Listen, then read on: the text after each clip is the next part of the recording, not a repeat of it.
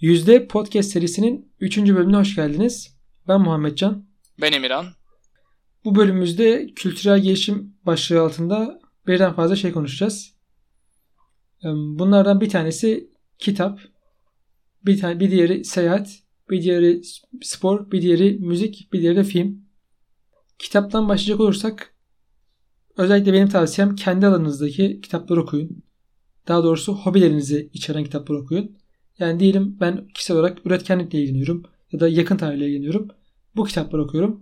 E, ve de kitapların türleri yani canlıları da dikkat edin. Mesela ben kurgu kitapları okumayı pek sevmiyorum. İşte oturup işte Harry Potter okuyayım, şunu okuyayım, bunu okuyayım gibi zevklerim yok. O yüzden ben daha çok kurgu olmayan non-fiction kitaplar okuyorum. Mesela işte Harari'nin tarih imsi bir kitabı var. E, o kitabı okumayı seviyorum. O yüzden kitap okuyamıyorum deyip kenara çekilmektense önce hem konu olarak hem de tür olarak ilgi alanlarınızı bulup bence o şekilde kitap okumalısınız. Sen ne diyorsun Emre bu konuyla ilgili? Senin tecrüben var. Ben verdiğin örneğe bu arada sonuna kadar katılıyorum. Kitap oku- okuyamıyorum deyip çekilmek en basite. Ki ben de uzun bir süre böyle yaptım. Şimdi senin dediğin gibi kişisel gelişimle alakalı birkaç kitap okuyorum. Ya yani düşününce benim aklıma şimdi şöyle bir örnek geldi. En basitinden mesela bilgisayar oyunu oynamayı sevmiyorum diye bir herkes belki çoğu kişi söyleyebilir ama bu hangi oyun hangi tür bir oyun sevdiğinle alakalı aslında. Belki 5-10 tane tür denediğin zaman bilgisayar oyunlarından bir kısmını sevdiğini fark edeceksin. Bu kitap da bence onun gibi bir şey. Ya ben mesela okulda zorunlu bir şekilde tarih kitabı okutulduğunu hatırlıyorum. Şimdi kitabın ismini tabi hatırlamıyorum ama mesela sevmemiştim. Ya o benim aklımda kitabı sevmiyorum diye kalmıştı aslında ama ben kitap okumayı değil o konuyu sevmiyordum esasen. Şimdi ilgimi çeken bir şey okuduğum için kitap okumak da istiyorum. Bence insanlar da ilgisini çeken şeyleri bulduktan sonra kitabı okuyup kendilerine çok güzel bir katkı sağlayabilirler orada. Kitap okumanın çok fazla faydası var. Zaten bunları çocukluktan beri duyuyoruz. İşte kelime hazineniz gelişiyor. Sohbet ederken kullanabileceğiniz argümanların sayısı artıyor. Her alanda sizi geliştiriyor. Bir de sadece kitap olarak bakmak lazım bence buna. İşte makaleler, dergiler vesaire de okuyabilirsiniz. Ya da işte e-kitaplar. Ben mesela e-kitap çok daha fazla okuyorum. Hatta kitap dinleyebilirsiniz. Audible gibi servislerle. Bir de bence kitabın güzel kısmı şu. İnsanlar ömürleri boyunca bir konu üzerine çalışıyor. Diyelim bilim adamları ömrü boyunca belki fizik üzerine, elektrik, elektronik üzerine çalışabiliyorlar. 30 sene, 40 sene çalışıyorlar ölene kadar. Ve bir kitapta bir insanın 30 senede edindiği bilgi, tecrübe, deneyim bunların hepsini sadece bir kitaba aktarıyor ve siz o kitabı belki bir günde bile bitiriyorsunuz. Yani 200-300 sayfalık kitap aktarıyor ve siz onu birkaç saatte bir günde o 30 senelik bilgiyi, tecrübeyi edinmiş oluyorsunuz. Ve bence bu gerçekten çok değerli. Ben de senin dediğine son derece katılıyorum. Bu makaleler ve dergiler diye de örnek ver. Orada da aynı şey geçerli. Tabi makaleler bir kitap kadar hani belki anlatım gücü daha hani yüksek değildir. Belki kelime dağarcığınıza o kadar faydası olmayabilir. Belki daha hani bir alana odaklanmıştır ama gene de bunlar da sizin okumanızı tabi geliştiriyor. Dediğin gibi ben de insanların yüksek, uzun yıllar sonucu kazanan tecrübeleri bir kitapta belki de tamamı tabii ki yansıtmıyor olabilirler ama sonuçta orada yoğun bir bilgi var, birikim var. O yüzden çok değerli bir kaynak olduğunu düşünüyorum. Evet bir sonraki konumuzda seyahat. Öncelikle nasıl yapmanız gerektiğini bahsedeceğim. Daha çok öğrenciler izleyeceğini tahmin ediyorum bu podcast serisini. O yüzden bence en başta hava yolu kampanyalarını takip edip çok ucuza uçak biletleri bulabilirsiniz. Örneğin Türkiye'de olmak, Türkiye'den konuşacaksak Pegasus'un kampanyalarını mutlaka takip edin. Çok ucuz olabiliyor. E, yurt dışı ile ilgili de Skyscanner diye bir web sitesi var. Orayı tavsiye edebilirim. Bu şekilde ucuza uçak bileti bulabilirsiniz. Konaklama için de bir sonraki en büyük e, maliyette konaklama oluyor. Bunun için de hostelleri kullanabilirsiniz. Hosteller aslında yurtlar gibi bir şey. Gidiyorsunuz 6 kişilik bir odada bir ranzada kalıyorsunuz. Gençken bu tip bir hayat tarzı insanları rahatsız etmez. O yüzden bence bizce gençken gezmeniz sizin için çok daha iyi olacaktır. Çünkü insanların sorumlulukları çok daha az oluyor gençken. Bu yüzden gezmek önemli. Evet bu özellikle gezme işi e, mesela ben e, zamanında bazı gezilere falan katılmamıştım. Kendi isteğimle. Yani o zaman bu e, gezilerin öneminin farkında değildim bir kısmının. Özellikle lisede birkaç tane kaçırdım. Sonrasında keşke gitseydim dediğim çok gezi oldu. Ya bu seyahat gerçekten ya bence kültürler tanımak için özellikle baya önemli ama e, özellikle belli bir yaştan sonra artık böyle e, insanlar genelde bir kurulu bir düzen oturtmaya çalışıyorlar. Kurulu bir düzen oturttuktan sonra da bu işler birazcık daha zor. İşte işten ayrı e, izin almanız gerekiyor ve benzeri durumlar sizi zora sokuyor bu işlemi, bu eylemi gerçekleştirmekte. O yüzden mümkün olduğunca gençken e, gerek arkadaşlarınıza gerek de ben isterseniz akrabalarınıza artık nasıl isterseniz ona göre imkanınız yetmiyorsa işte kampanyalara falan faydalanıp bence bu deneyimden yararlanmak gerekiyor. Evet bu konuyla ilgili şöyle bir şeyden bahsetmek gerekir. Bence gezerken oranın yerel insanlarıyla tanışmaya çalışın ve de yerel yemeklerini yemeye çalışın. Hatta yerel deneyimler elde etmeye çalışın. Yerel deneyimlerde, deneyimlerden kastım mesela Japonya'ya gittiğinizde işte oranın en, belki en meşhur yerinde bir sushi yemeği deneyebilirsiniz. Ya da Türkiye'den örnek verecek, örnek ya da Türkiye'den örnek verecek olursak Fethiye'ye gittiğinizde yamaç paraşütü yapmak isteyebilirsiniz. Bunun gibi. Hatta bu tip bu tip deneyimleri mesela Airbnb'nin Experiences diye bir kısım var. Google'da Airbnb Experience ederseniz çıkar. Oradan da bulabilirsiniz. Hatta bunlar bugünlerde online deneyimlerde olabiliyor. Yani siz bugün oturup sushi nasıl yapılır? Orijinal tarifiyle bir Japon insandan online bir şekilde öğrenebiliyorsunuz, deneyimleyebiliyorsunuz. Ama tabii ki de seyahat en sağlıklısı. Bir de Airbnb'ye benzer bir tane daha e, site vardı. Onun ismi neydi? Onun ismi de Bodo olması lazım. Bodo seyahat pardon Bodo deneyim hediyeleri de geçiyordu. O da Türkiye'de aktif bir şekilde var. Ee, ve de sanırım birkaç Avrupa ülkesinde daha çok Slav ülkelerinde de aktif. Bir sonraki konumuz söyleyecek bir şey var mı? Ya bu konuyla alakalı bir de şunu söyleyeceğim.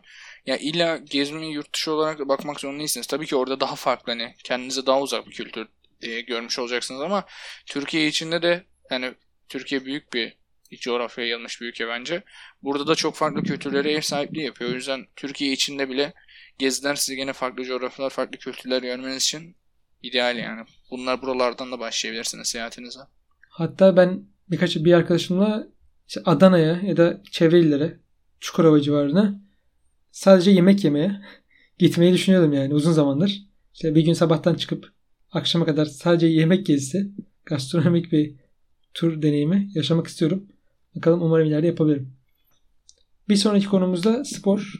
Bu konuda Emirhan senin oldukça deneyimin var. Deneyim. Bu konuda Emirhan senin oldukça deneyimin var. İstersen sen birazcık bahset.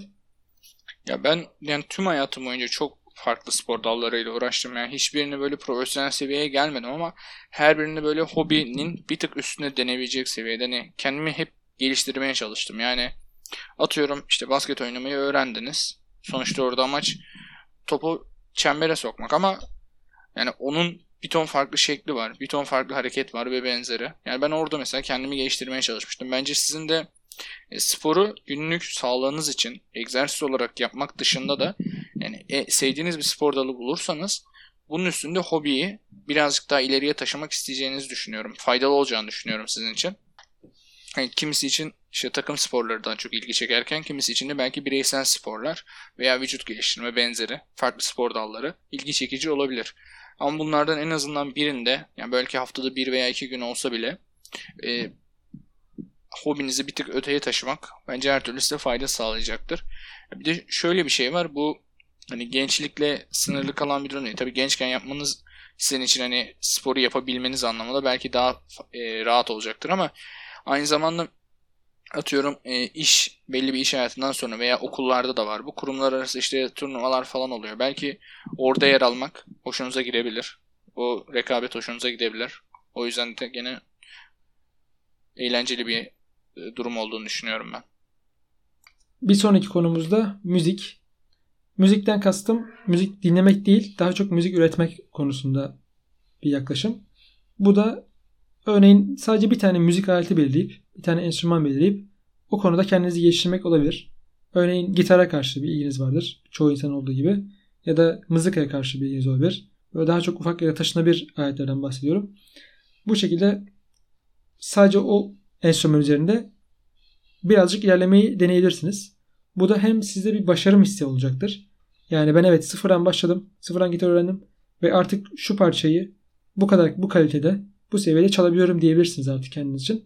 Aynı zamanda sosyalleşmek için de bence oldukça faydalı olur. Örneğin arkadaşlarınızla birlikte, samimi arkadaşlarınızla birlikte bir tatile gittiniz. Yanınızda da gitarınız var. orada birkaç şarkı çalıp sosyalleşmenize biraz daha bence değer katmak oldukça eğlenceli olacaktır. Sen ne diyorsun bu konuyla ilgili? Senin ne deneyimin var? Ya benim e, herhangi bir enstrüman çalmakla alakalı hani birazcık daha hobinin bir tık ötesinde bir deneyimim olmadı açıkçası ama yani şöyle bir örnek vermek istiyorum ben.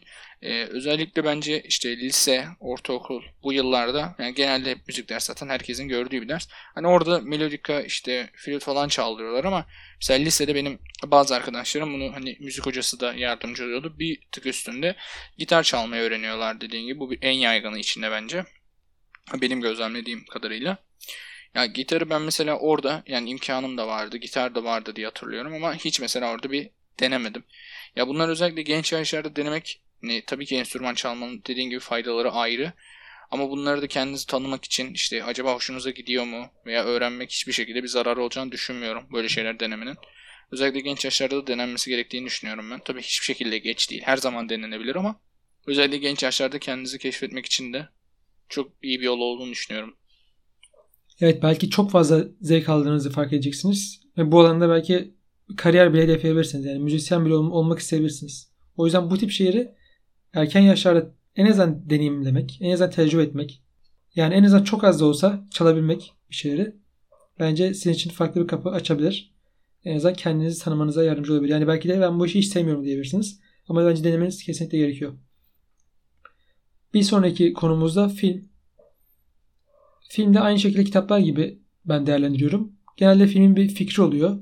Ve o fikir e, kimi zaman yönetmenin kafasından çıkmış oluyor. Kimi zaman daha farklı bir hikayeden çıkmış oluyor. Ve o fikir genelde insanlara bir şeyler anlatmaya çalışıyor.